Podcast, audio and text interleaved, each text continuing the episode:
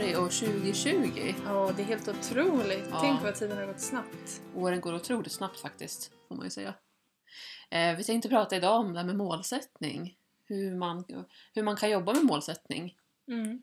Hur tar man sig till ett mål och hur man kan skapa sig en målbild och så här. Och man kan ju ha då både långsiktiga mål, Mm. det kan vara ett mål, det kan vara flera mål. Ja. Eh, Men också kortsiktiga mål. Och det är ju väldigt viktigt att ha kortsiktiga mål, tycker vi båda två har vi pratat om här, just för att det är ju psykologiskt. För har vi Mm. ett långsiktigt mål som kanske ligger år, år framåt så blir det mer tröjobbat att ta sig dit. Mm. Men har vi delmål på vägen så kan det kännas lättare rent liksom, psykiskt och mentalt att ja, det är lätt uppnåeligt. Man tar Mm. liksom ett mål i taget så att säga. ja, man kan bryta ner det långsiktiga målet i olika delmål också. Ja. Eh, och sen så är det ju aldrig en spikrak väg till det här långsiktiga målet. Det är ju hinder på vägen. Mm. Man kan tänka sig att man har en fyr, den här Mm. lampan, en fyr som lyser längst fram och det är vårt långsiktiga mål. Sen har vi grynnor längst med, med vägen mot målet som vi ska Mm. korsa och det är just våra hinder. Mm.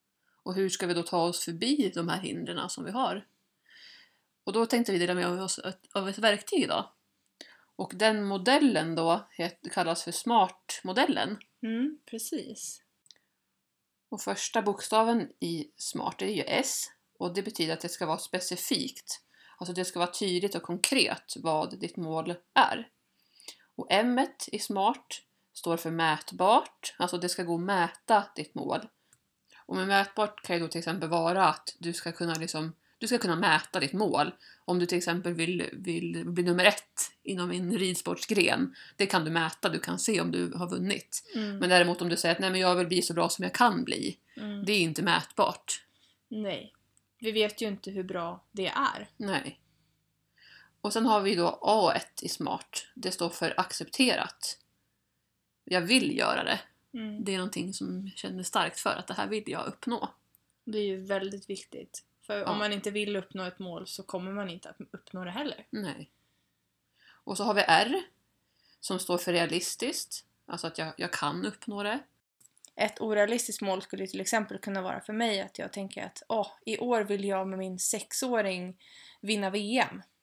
För det är helt omöjligt för mig att ens hinna kvala till VM med honom det här året. Plus Mm. att han är för ung för det. Mm. Det är alltså ett orealistiskt mål som inte går att uppnå. Och samtidigt så vill vi inte heller lägga oss för lågt målmässigt utan det ska ju vara utmanande. Mm, absolut. Men ändå realistiskt som sagt. Och sen T1 i SMART, det står för tidsbundet. Alltså när ska målet vara uppnått? Mm. Och då ett exempel på mål för min del skulle till exempel kunna vara i september 2022, då ska jag delta i VM för unga hästar. Alltså det målet är tydligt, det är bestämt när jag vill uppnå det. Och jag kan uppnå det, jag har en häst som skulle kunna gå VM för unga hästar. Och det går även att mäta målet. Alltså deltog jag i VM för unga hästar 2022. Så utgångsläget är i alla fall smart. Alla komponenter finns där. Sen vet man aldrig vad som händer på vägen. Vilka hinder man stöter på och så.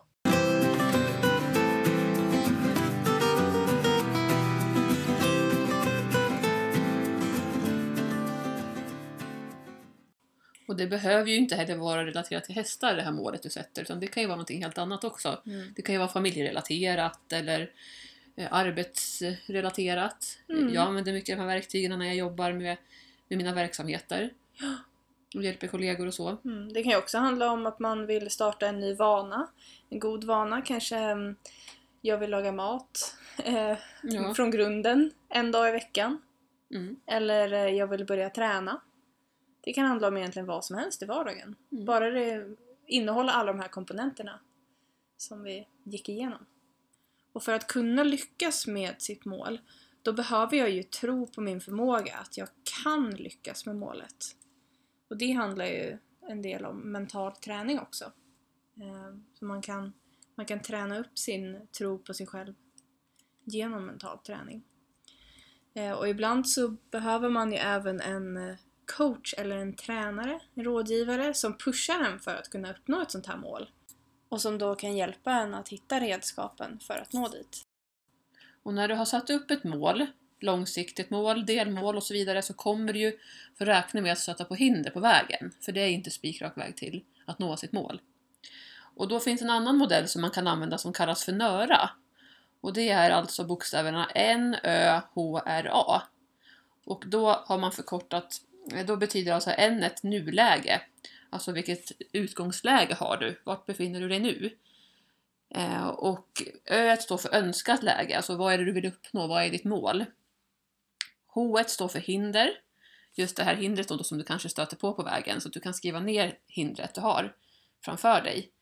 Och R står för resurser, alltså vilka, vad har du för verktyg, vad har du för, eh, har du människor i din omgivning som kan hjälpa dig? Eh, eller vad det nu kan vara beroende på vilket mål du har. Och sen A står för aktivitet. Vad för aktiviteter ska du göra för att ta dig närmare målet? Och då kan du tänka att det här behöver du inte ta jättekliv, utan ta gärna små steg i taget.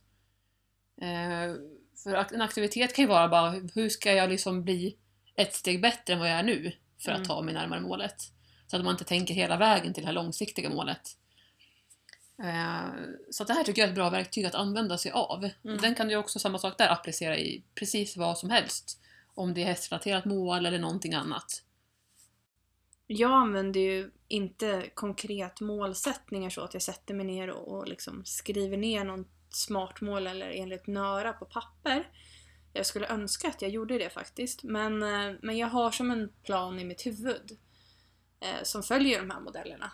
Och alla mina olika tävlingshästar har jag liksom en, en plan för. Jag vet vad jag vill att de ska uppnå, ungefär när de ska uppnå det. Mm. Och det är ju ofta eh, målsättningar som sträcker sig över flera år Mm. eftersom det tar sån tid att kvala i min tävlingsgren.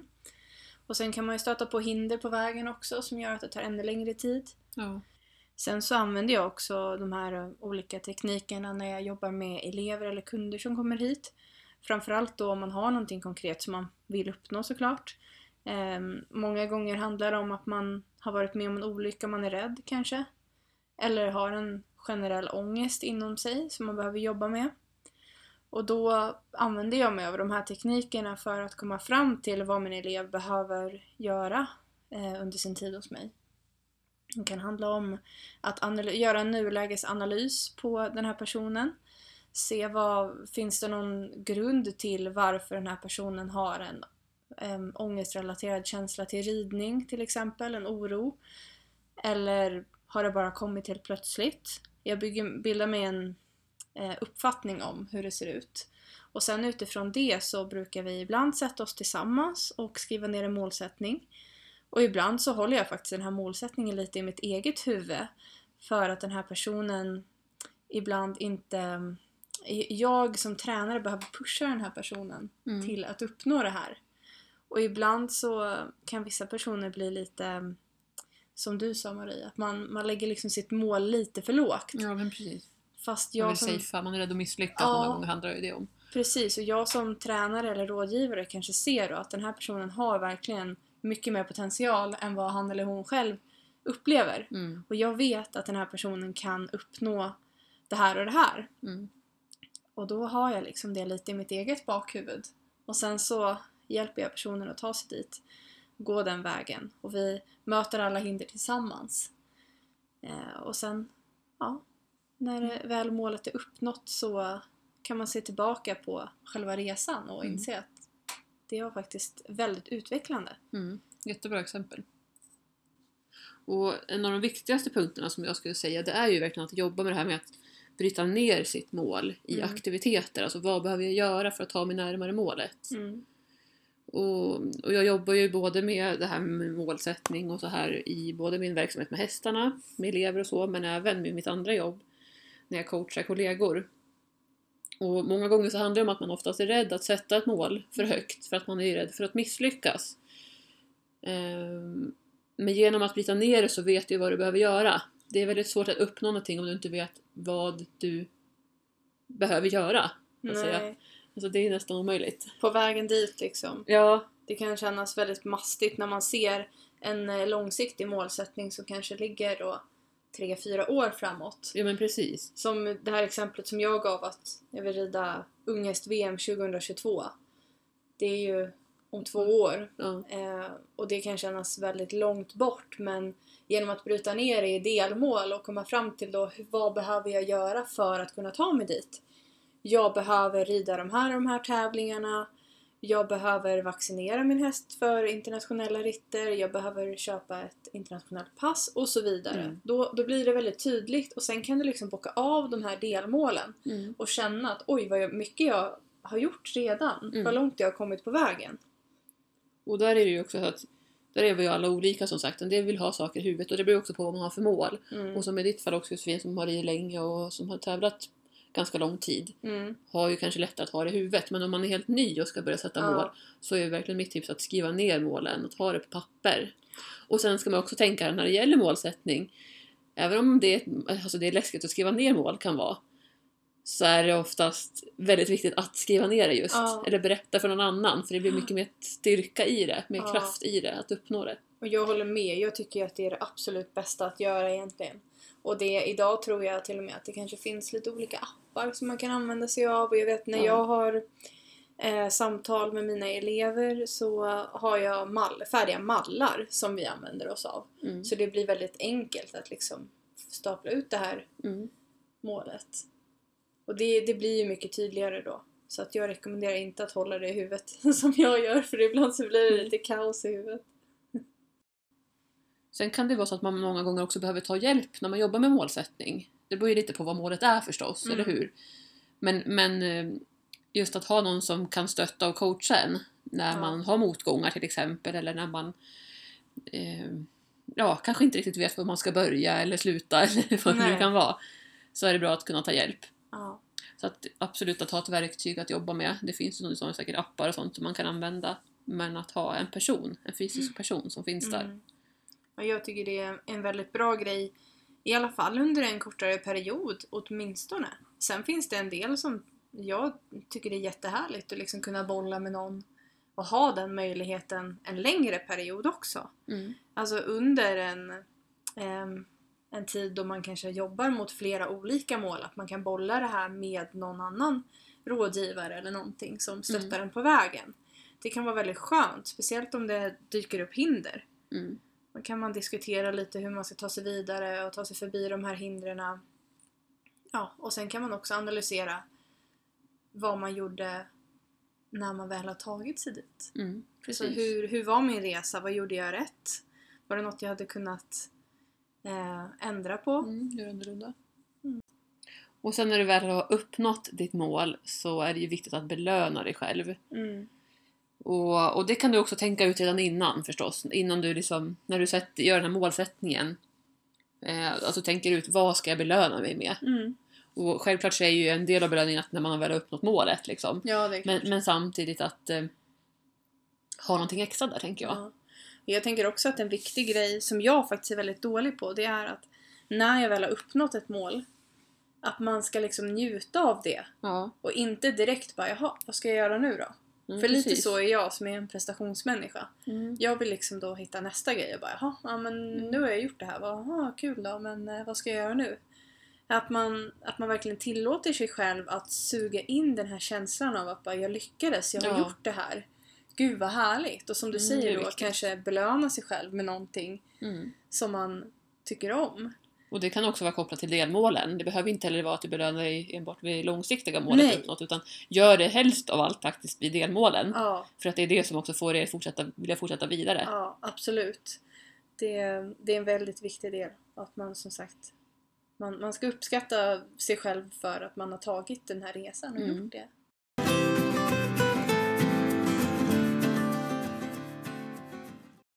Och apropå det här med att ha resurser till att uppnå ett mål och att eh, använda sig av olika tekniker så brukar jag använda mig av en eh, rådgivningsmetod som kallas för KASAM, alltså känsla av sammanhang. Och det var Aron Antonovsky som eh, efter andra världskriget studerade judiska kvinnor som hade överlevt koncentrationsläger. Mhm. Och han upptäckte att vissa personer, trots att de utsatts för fruktansvärda förhållanden under andra världskriget, de hade faktiskt behållit sin psykiska hälsa. Och han Mm. funderade då på vad, men vad, är, vad är det som gör att vissa människor förblir psykiskt friska. Och då tog han fram den här metoden som kallas för KASAM. Och det finns tre komponenter inom KASAM som är eh, hanterbarhet, nummer ett. Alltså att du ska ha resurser att hantera motgångar, arbetsuppgifter och så vidare. Nummer två är begriplighet. Du ska förstå vad som händer och vad som behöver göras. Nummer tre, meningsfullhet. Det jag gör behöver ha en mening för mig. Alltså jag behöver tycka om det, det behöver ha en betydelse för mig. Mm. Och de här komponenterna är olika viktiga beroende på hur det är som individ. För mig till exempel är det väldigt viktigt med meningsfullhet. Jag vill känna att mina arbetsuppgifter, mitt mål, mitt liv är meningsfullt. Det jag gör, ehm, det jag har som målsättning, det ska för mig ge någon form av mening. Det är jätteviktigt för mig. Annars blir Mm. jag ganska omotiverad faktiskt och känner att jag... Ja, Ja. Ja, men det är, det är en viktig komponent. Ett exempel på en mening med KASAM det är till exempel då Mitt mål är hanterbart och meningsfullt för mig, men jag förstår inte vad som behöver göras. Alltså saknar det här målet begriplighet för mig. Eller Mitt mål är meningsfullt och begripligt, men det saknar hanterbarhet. Alltså jag kanske har för mycket att göra, jag har för lite tid, jag är för stressad. Jag kan inte uppnå målet. Eller, mitt mål är hanterbart och begripligt, men för mig saknar det meningsfullhet. Alltså jag kanske tappar motivationen på grund av det. Så om någon av de här tre komponenterna saknas, då skapar det en form av obalans. Och det här kan du applicera i stort sett på vad som helst i ditt liv. Det behöver inte handla om en målsättning, det kan handla om på din arbetsplats, en arbetsuppgift. Det kan handla om någonting som du gör med hästarna. Eller någonting i ditt vardagsliv. Och det här bär jag med mig och har det liksom lite i bakhuvudet när jag ja, jobbar med målsättningar, jobbar med människor, jobbar med ridlektioner. Att det ska vara begripligt, det ska vara hanterbart och det ska vara meningsfullt. De komponenterna, det, det liksom strömmar genom livet, allt vi gör. Så kom ihåg de här tre komponenterna. Och nästa gång du är stressad i en situation, fundera på om det är för att du saknar någon av de här tre grejerna. Hanterbarhet, begriplighet eller meningsfullhet. Och om du analyserar på det sättet så kanske du kan komma fram till en lösning på problemet lite snabbare och därför bli av med din stress.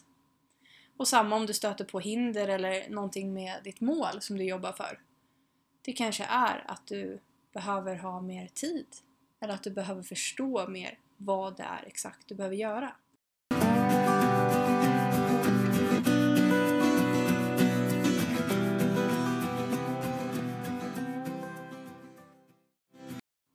Så sammanfattningsvis så har vi då pratat om SMART-modellen. Vi har pratat om NÖRA-metoden och vi har också pratat om KASAM.